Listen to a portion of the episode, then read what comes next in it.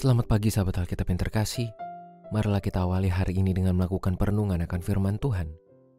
Bacaan Alkitab kita pada hari ini berasal dari kitab Amsal pasalnya yang ke-14 ayat 16 sampai 20. Orang bijak berhati-hati dan menjauhi kejahatan, tetapi orang bebal bertindak sesuka hati dan merasa aman. Siapa lekas naik darah bertindak bodoh, dan orang yang merancang kejahatan dibenci.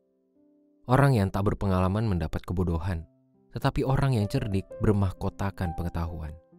Orang jahat membungkuk di hadapan orang baik, orang fasik di pintu gerbang orang benar. Juga oleh temannya orang miskin itu dibenci, tetapi sahabat orang kaya itu banyak. Jalan raya sering kali menjadi arena pertaruhan emosi dan logika dari banyak penggunanya. Tidak sedikit orang yang harus menyesali tindakannya di jalan raya akibat ketidakmampuan dirinya mengelola diri menghadapi situasi kondisi yang mengganggu kenyamanan maupun egonya sebagai pribadi. Beragam kemungkinan yang muncul di jalan raya, khususnya di kota-kota besar, ibarat rimba yang penuh dengan bahaya.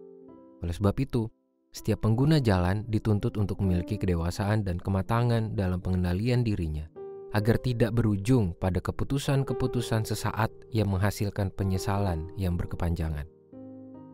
Penyair Amsal melalui ayat 16-20 ini juga menegaskan bahwa seorang manusia perlu memiliki kemampuan bertindak bijak, penuh dengan perencanaan dan pengendalian diri, agar tidak berujung pada perilaku yang bodoh.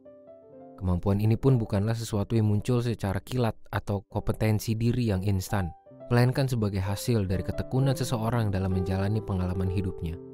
Artinya, setiap momen yang muncul dalam hidup perlu kita pahami dan maknai sebagai bagian dari pembentukan kematangan diri menjadi pribadi yang semakin bijak. Pembelajaran ini pun dapat mewujud melalui berbagai pengalaman hidup yang senang maupun susah, melalui peristiwa yang menenangkan maupun menegangkan. Sebagai umat Tuhan, kita pun patut bersyukur atas segala akses dan pembelajaran terhadap firman-Nya yang sangat berdampak untuk membentuk kita menjadi pribadi yang bijak dan penuh perencanaan.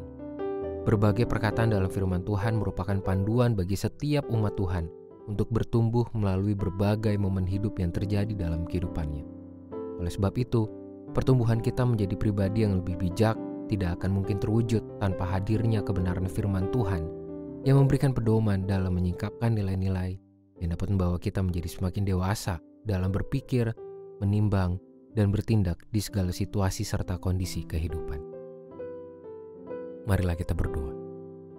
Tuhan terima kasih atas firman-Mu yang mengingatkan kami tentang pentingnya memiliki pengendalian dan kedewasaan diri dalam kami berkata-kata, dalam kami berpikir, menimbang, dan bertindak.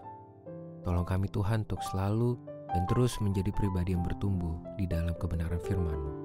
Hanya di dalam nama Tuhan Yesus kami berdoa dan mengucap syukur. Amin.